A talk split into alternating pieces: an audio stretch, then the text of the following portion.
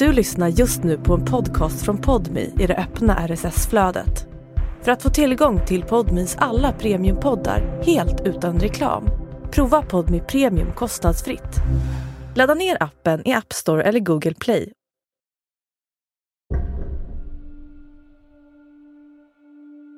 De hade väl en fråga till mig eh, under det hela. Det var väl under, Eh, det var framförallt med mammas skrik som man hörde via en eh, butik som var precis nedanstå, eh, nedanför där. Eh, och det var den frågan att, och jag ville bara bekräfta att det var mammas skrik.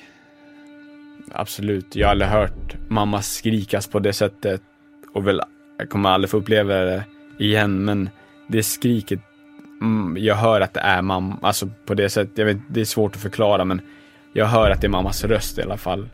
Som det är ett så kallat dödsskrik då.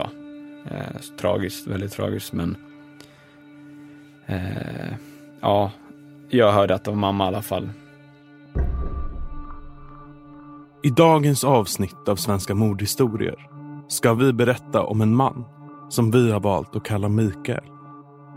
Han var en framgångsrik affärsman och vd för ett kosmetikföretag som omsatte flera hundra miljoner.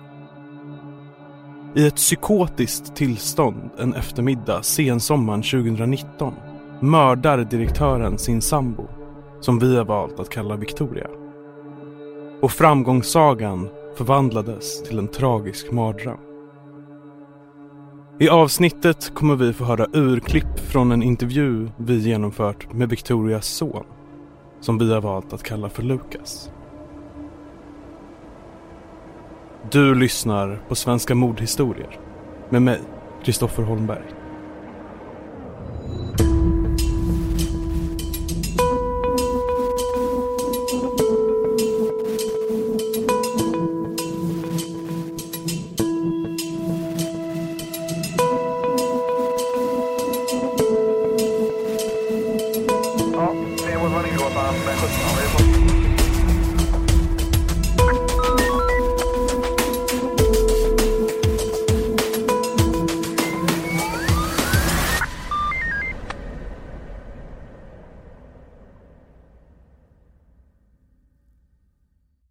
Victoria föds och växer upp i Örje. En liten ort i sydöstra Norge. Bara några mil från den svenska gränsen. Hon är en glad och positiv tjej med många vänner och spelar under uppväxten både fotboll och handboll i ett lokalt lag. Redan i 20-årsåldern flyttar Victoria tillsammans med två väninnor till Stockholm. Där börjar hon jobba som undersköterska. Hon vidareutbildar sig inom sjukvården, vilket leder till ett jobb som hudvårdslärare för blivande hud och spaterapeuter. Hon beskrivs av vänner som en varm och omtänksam kvinna med ett stort hjärta som alltid vill hjälpa till och finnas till hands för sina nära och kära. Det är också där i Stockholm hon kommer att träffa sin framtida sambo, VDn Mikael.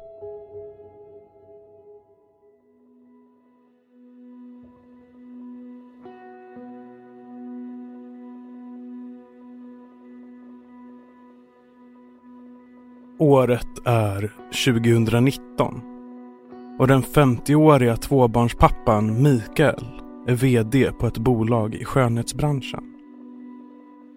Ett bolag som omsätter flera hundra miljoner kronor om året. Det välkända företaget har sedan starten 1989 expanderat kraftigt och blivit en huvudaktör på den svenska marknaden med över 70 anställda och 1500 återförsäljare runt om i landet. Framtiden ser vid det här laget extremt lovande ut. Både för Mikael och för det företag han under de senaste drygt tio åren har hjälpt till att manövrera till skönhetsindustrins toppskikt.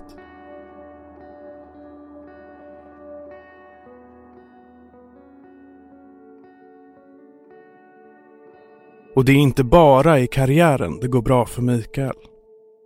Sedan ett par år tillbaka är han i en relation med Victoria som han har lärt känna genom företaget som han är VD för.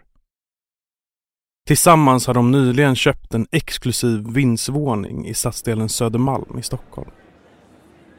Vi är nu framme i augusti 2019 och paret har efter några veckors semester äntligen fått tillträde till lägenheten och påbörjat flytten.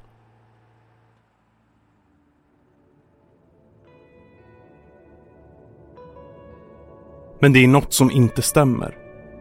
När paret ska välja elleverantör lyckas inte elbolaget hitta deras lägenhet. Mikael blir förvånad och börjar misstänka att något inte står rätt till. Han anar att både mäklaren och byggföretaget har lurat honom. Men på vilket sätt han har blivit vilseledd är i Mikaels huvud fortfarande oklart. Mikael vill försäkra sig om att det inte är några fel på själva lägenheten. Han ber sin bror, som arbetar i byggbranschen, att komma över och inspektera lägenheten. Mikaels bror kan vid sitt besök konstatera att allt är i sin ordning och att det inte finns någon anledning att misstänka eventuella byggfel. Men trots broderns försäkran om att allt är som det ska så kan Mikael inte släppa tankarna på att han fallit offer för en komplott med ekonomiska motiv.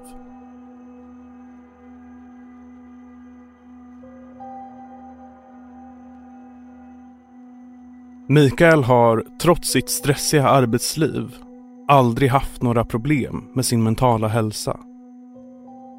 Visst har det varit perioder när arbetet inneburit både långa dagar och en del konflikter på arbetsplatsen. Men det ingår i rollen som VD för ett stort företag. Det är inget ovanligt för Mikael. Därför märks det tydligt när han i slutet av sommaren 2019 börjar bete sig annorlunda.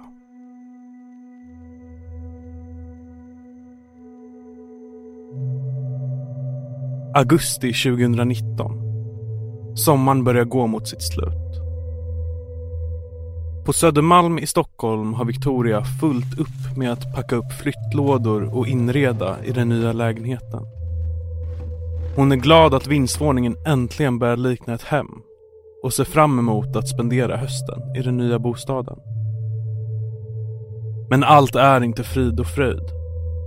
Victorias sambo VDn Mikael, har den senaste tiden betett sig konstigt och är inte längre sig lik. Han har fått svårt att sova och han är uppe sent på nätterna och hans hjärna verkar gå på högvarv.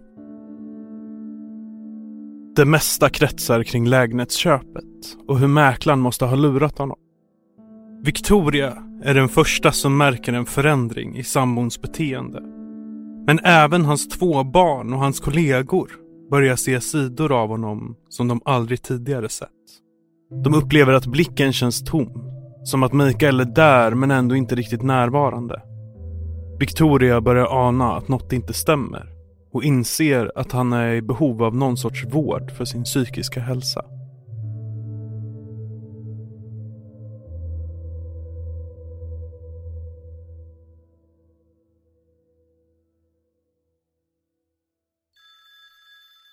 Den 16 augusti får polisen ett samtal av Victoria. Hon berättar att Mikael tänkt avsluta sitt liv genom att hoppa från balkongen på sjätte våningen. Mikael blir då skjutsad till Sankt Görans psykavdelning av poliserna. Under dagarna som följer kommer fler liknande besök att äga rum.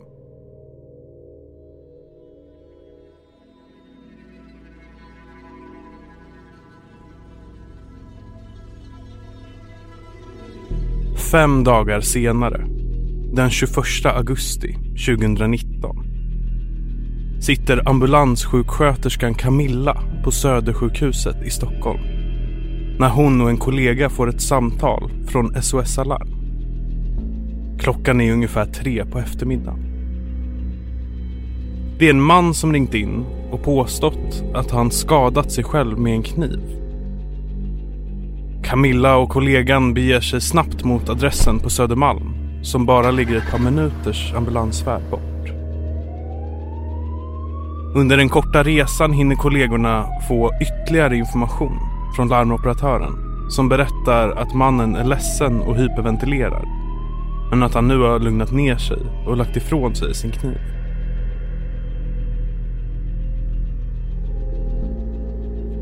När de kommer fram till adressen uppstår det problem. Camilla har ingen portkod till byggnaden. Den upplysta porttelefonen visar bara efternamnen på de som bor i lägenheterna. Och Camilla har bara fått förnamnet på mannen som de är där för att hitta. De två sjuksköterskorna blir därför ståendes utanför porten och tvingas kontakta SOS Alarm för att få ett efternamn på personen som kallat på hjälp. Camilla får nu uppringarens efternamn men när han går igenom porttelefonens lista med namn hittar hon ändå inte personen i fråga. En annan märklig detalj är att våning 6, där mannen enligt uppgift ska bo, inte verkar existera enligt förteckningen på porttelefonen.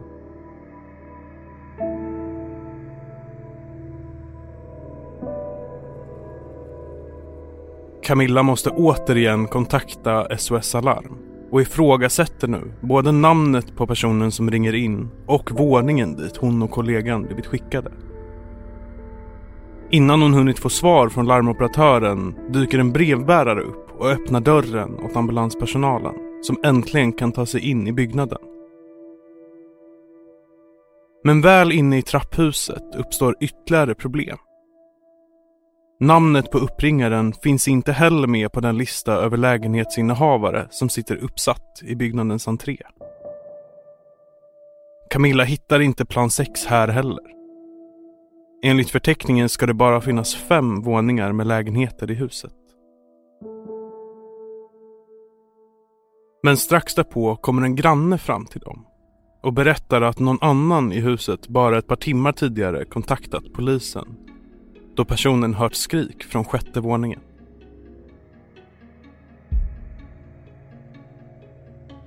Camilla får nu en känsla av att något inte står rätt till och kontaktar därför polisens ledningscentral. De kan bekräfta att de tidigare på dagen fått ett samtal om en incident på adressen. Men att de av oklar anledning inte åkt dit och att de därför inte har mer information att ge henne. Ledningscentralen tar nu beslutet att skicka ut en ny polispatrull som möts upp av ambulanspersonalen utanför porten. Camilla förklarar den märkliga situationen för polispatrullen som berättar att det tidigare på dagen hörts ett skrik från våningsplan 6 men att ingen hade uppgetts vara skadad eller i behov av hjälp från vare sig polis eller ambulans. Tillsammans går de nu in i porten utan att veta exakt vad som väntar dem. Det enda polispatrullen och ambulanspersonalen tror sig veta är att det ska finnas en skadad man någonstans i huset som är i behov av hjälp.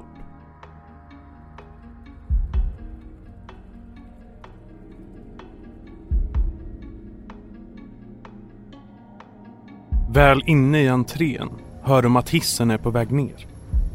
De båda poliserna går fram mot hissen för att möta den eller de som snart kommer ner till entréplan. När hissdörren öppnas möts de av en man. De vet inte det nu, men det är vdn Mikael. Han ser ut att ha flera skador på överkroppen, men det är svårt att urskilja. Mikael är nämligen helt dränkt i både torkat och färskt blod.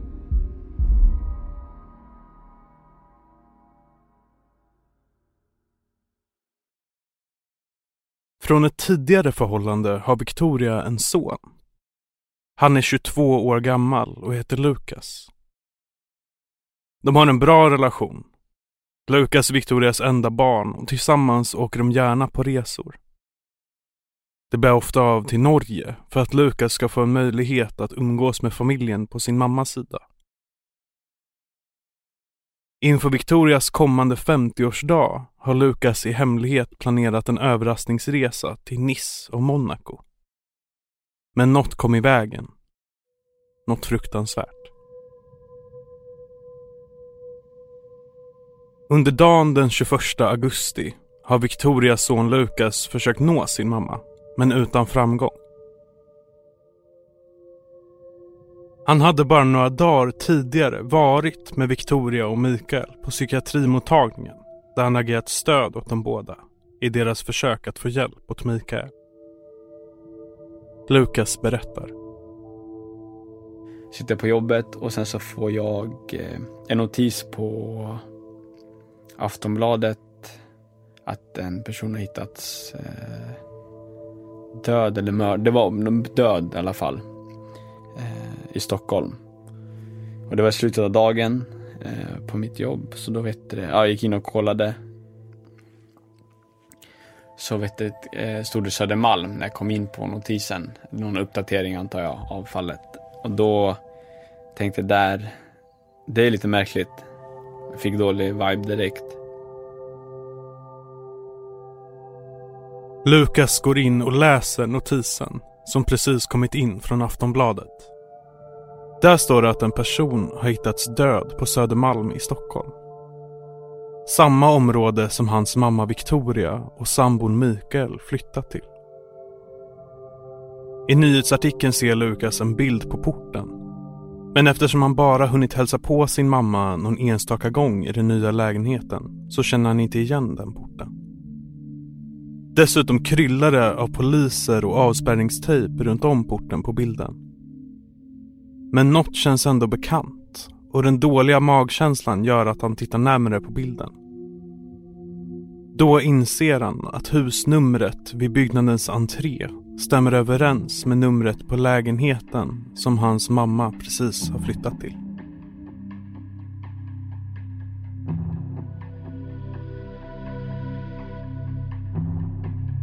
Några timmar tidigare har Lukas skickat ett meddelande till mamma Victoria som han ännu inte fått svar på.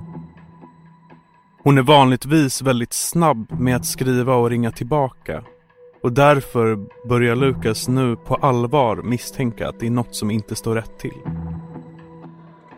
Han kontaktar Mikaels son. Det visar sig att sonen redan befinner sig på adressen men att han inte får komma in i byggnaden och inte heller vet vad som har hänt. Lukas, som stämt träff med sin flickvän efter jobbet, ringer upp sin pappa som får komma och plocka upp paret. För att sen tillsammans bege sig mot Södermalm och mammans vindsvåning.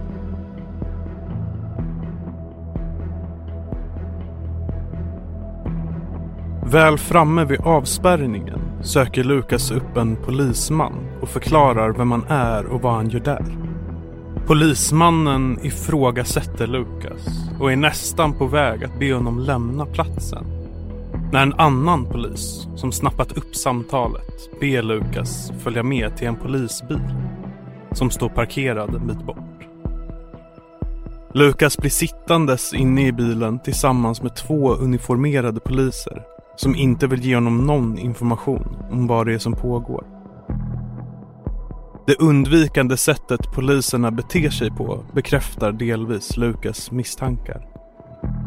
Kanske är det hans mamma Victoria som på ett eller annat sätt är inblandad i den händelse som skapat uppståndelsen. När Lukas lämnar polisbilen har han fortfarande inte fått veta vad det är som egentligen hänt och om hans mamma Victoria är inblandad i händelsen som han läste om på Aftonbladet bara några timmar tidigare.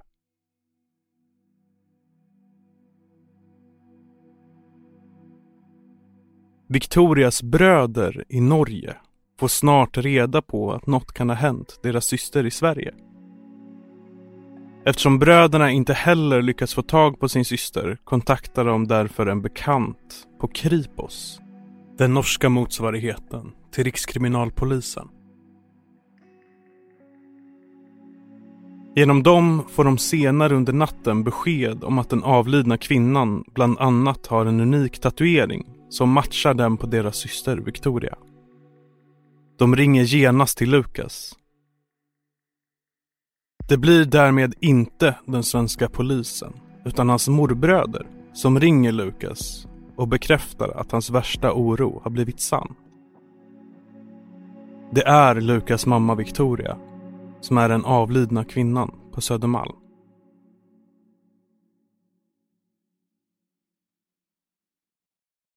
Under det senaste decenniet har man i Sverige kunnat se en ökning av psykisk ohälsa hos både män och kvinnor. En psykisk ohälsa i form av ångest, oro, sömnbesvär och depression.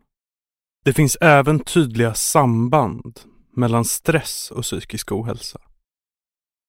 Inte den typen av stress man kan uppleva när man försöker hinna till bussen, utan den stress som kan uppstå om man under en längre tid måste hantera påfrestande situationer. Många gånger kopplade till arbete och ekonomi.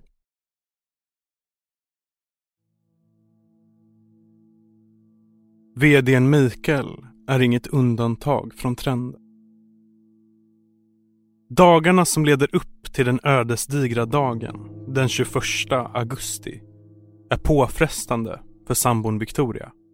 Mikael verkar må sämre och tillsammans gör de flera besök till psykiatrin för att försöka få rätsida på hans mentala hälsa. Läkarna gör bedömningen att Mikaels beteende är stressrelaterat och rekommenderar därför att han åker hem och försöker få ordentligt med sömn för att kunna återhämta sig. Men Mikael kan inte sova. Han misstänker nu att någon har hackat både hans mobiltelefon och hans dator. Han upplever att meddelanden försvunnit utan att han själv har raderat dem. Han tror även att han kan ha blivit drogad eller förgiftad och att Victorias son Lukas kan ha lurat honom på pengar. Och även Victoria misstänks vara inblandad i komplotten. Mikael anar att hon tillsammans med mäklaren på något sätt har lurat honom i samband med lägenhetsköpet. Han bör nu uppvisa tydliga tecken på ett psykotiskt beteende. Och verkligheten blir för Mikael allt mer förvrängd för varje dag som går. Vi hör Lukas igen. Hon var väldigt sliten. Det var det märktes. Så man försökte väl bara vara som ett stöd. Framförallt för mamma men också absolut för honom. För att få reda på vad det är som händer med tanke på att man visste inte om det var någon med hjärntumör eller det var någonting som han inte mådde så eh, bra under den tiden när allting utspelade sig.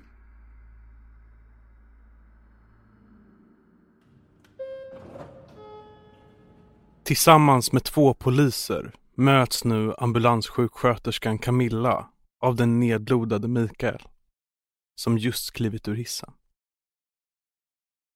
Han säger att han skadat sig själv men han berättar också att både hans sambo och deras hund fortfarande befinner sig uppe i lägenheten på sjätte våningen. Polisen frågar om någon annan är skadad. Hon är död, svarar Mikael.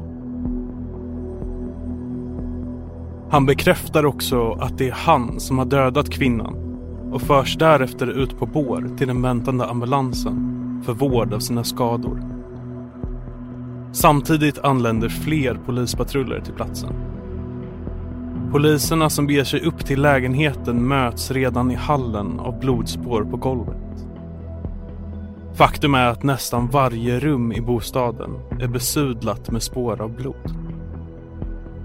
Polisen rör sig längre in i lägenheten och i ett av de tre sovrummen anträffas en avliden kvinna iklädd shorts och t-shirt. Som av allt att döma gått ett extremt våldsamt och tragiskt öde till mötes. Man kan snabbt konstatera att den avlidna kvinnan på det blodiga golvet är Mikaels sambo Victoria. Och det råder inga tvivel för poliserna att hon har mördats.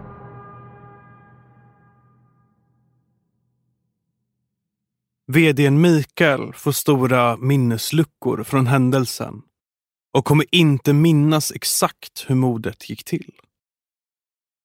Men med hjälp av en övervakningsfilm från en närliggande hälsobutik har man åtminstone kunnat konstatera när mordet antagligen skedde.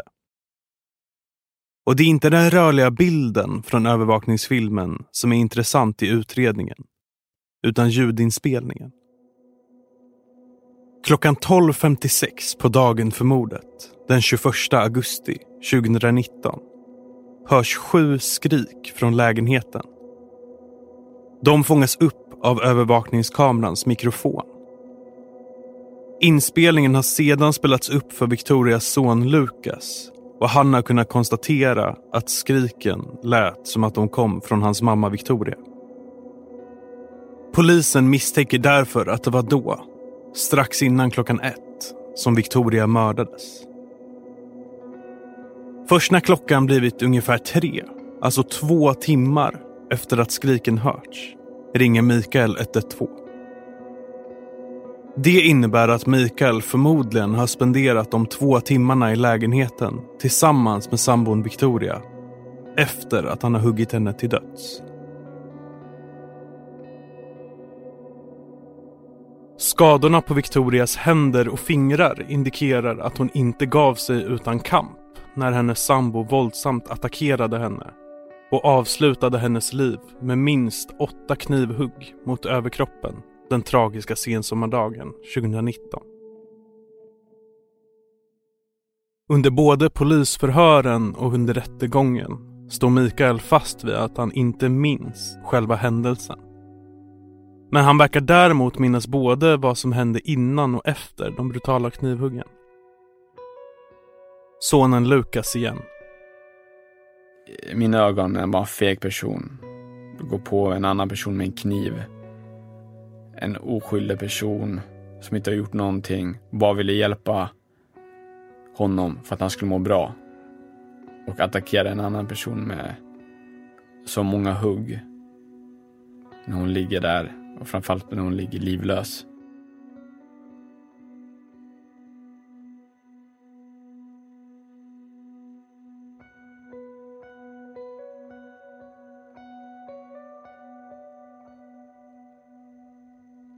Polis och åklagares omfattande bevismaterial pekar samstämmigt åt ett och samma håll. Att det bara finns en person som kan ha utfört mordet på Victoria. Blodspåren i bostaden kan endast knytas till två personer. Victoria och Mikael. Och den 20 mars 2020 döms Mikael i tingsrätten till rättspsykiatrisk vård med särskild utskrivningsprövning. Ett straff som endast utdöms till personer som anses ha en allvarlig psykisk störning. Det här innebär att Mikael inte kan skrivas ut av läkarna på den rättspsykiatriska kliniken utan ett överklagande i förvaltningsdomstolen. Jag skulle vilja sett eh, livstid fängelse. Helst hela livet.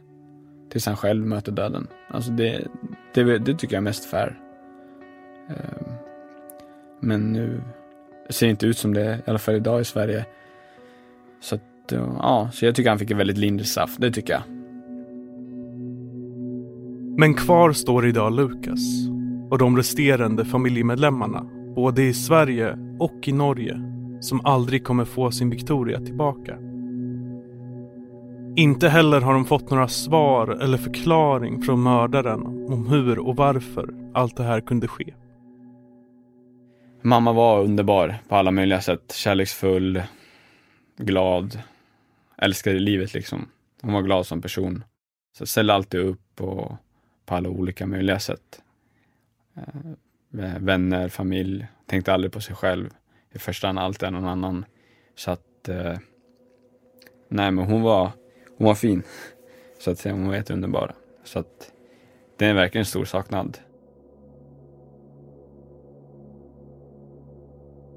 Du har lyssnat på Svenska mordhistorier med mig, Kristoffer Holmberg. Manusförfattare är Ted Högfeldt. Samtliga namn i det här avsnittet är fingerade. Källor för avsnittet kan du läsa på podmi.com snedstreck svenska bindestreck mordhistorier. Svenska mordhistorier görs av podcastbolaget Creedcast exklusivt för Podmi.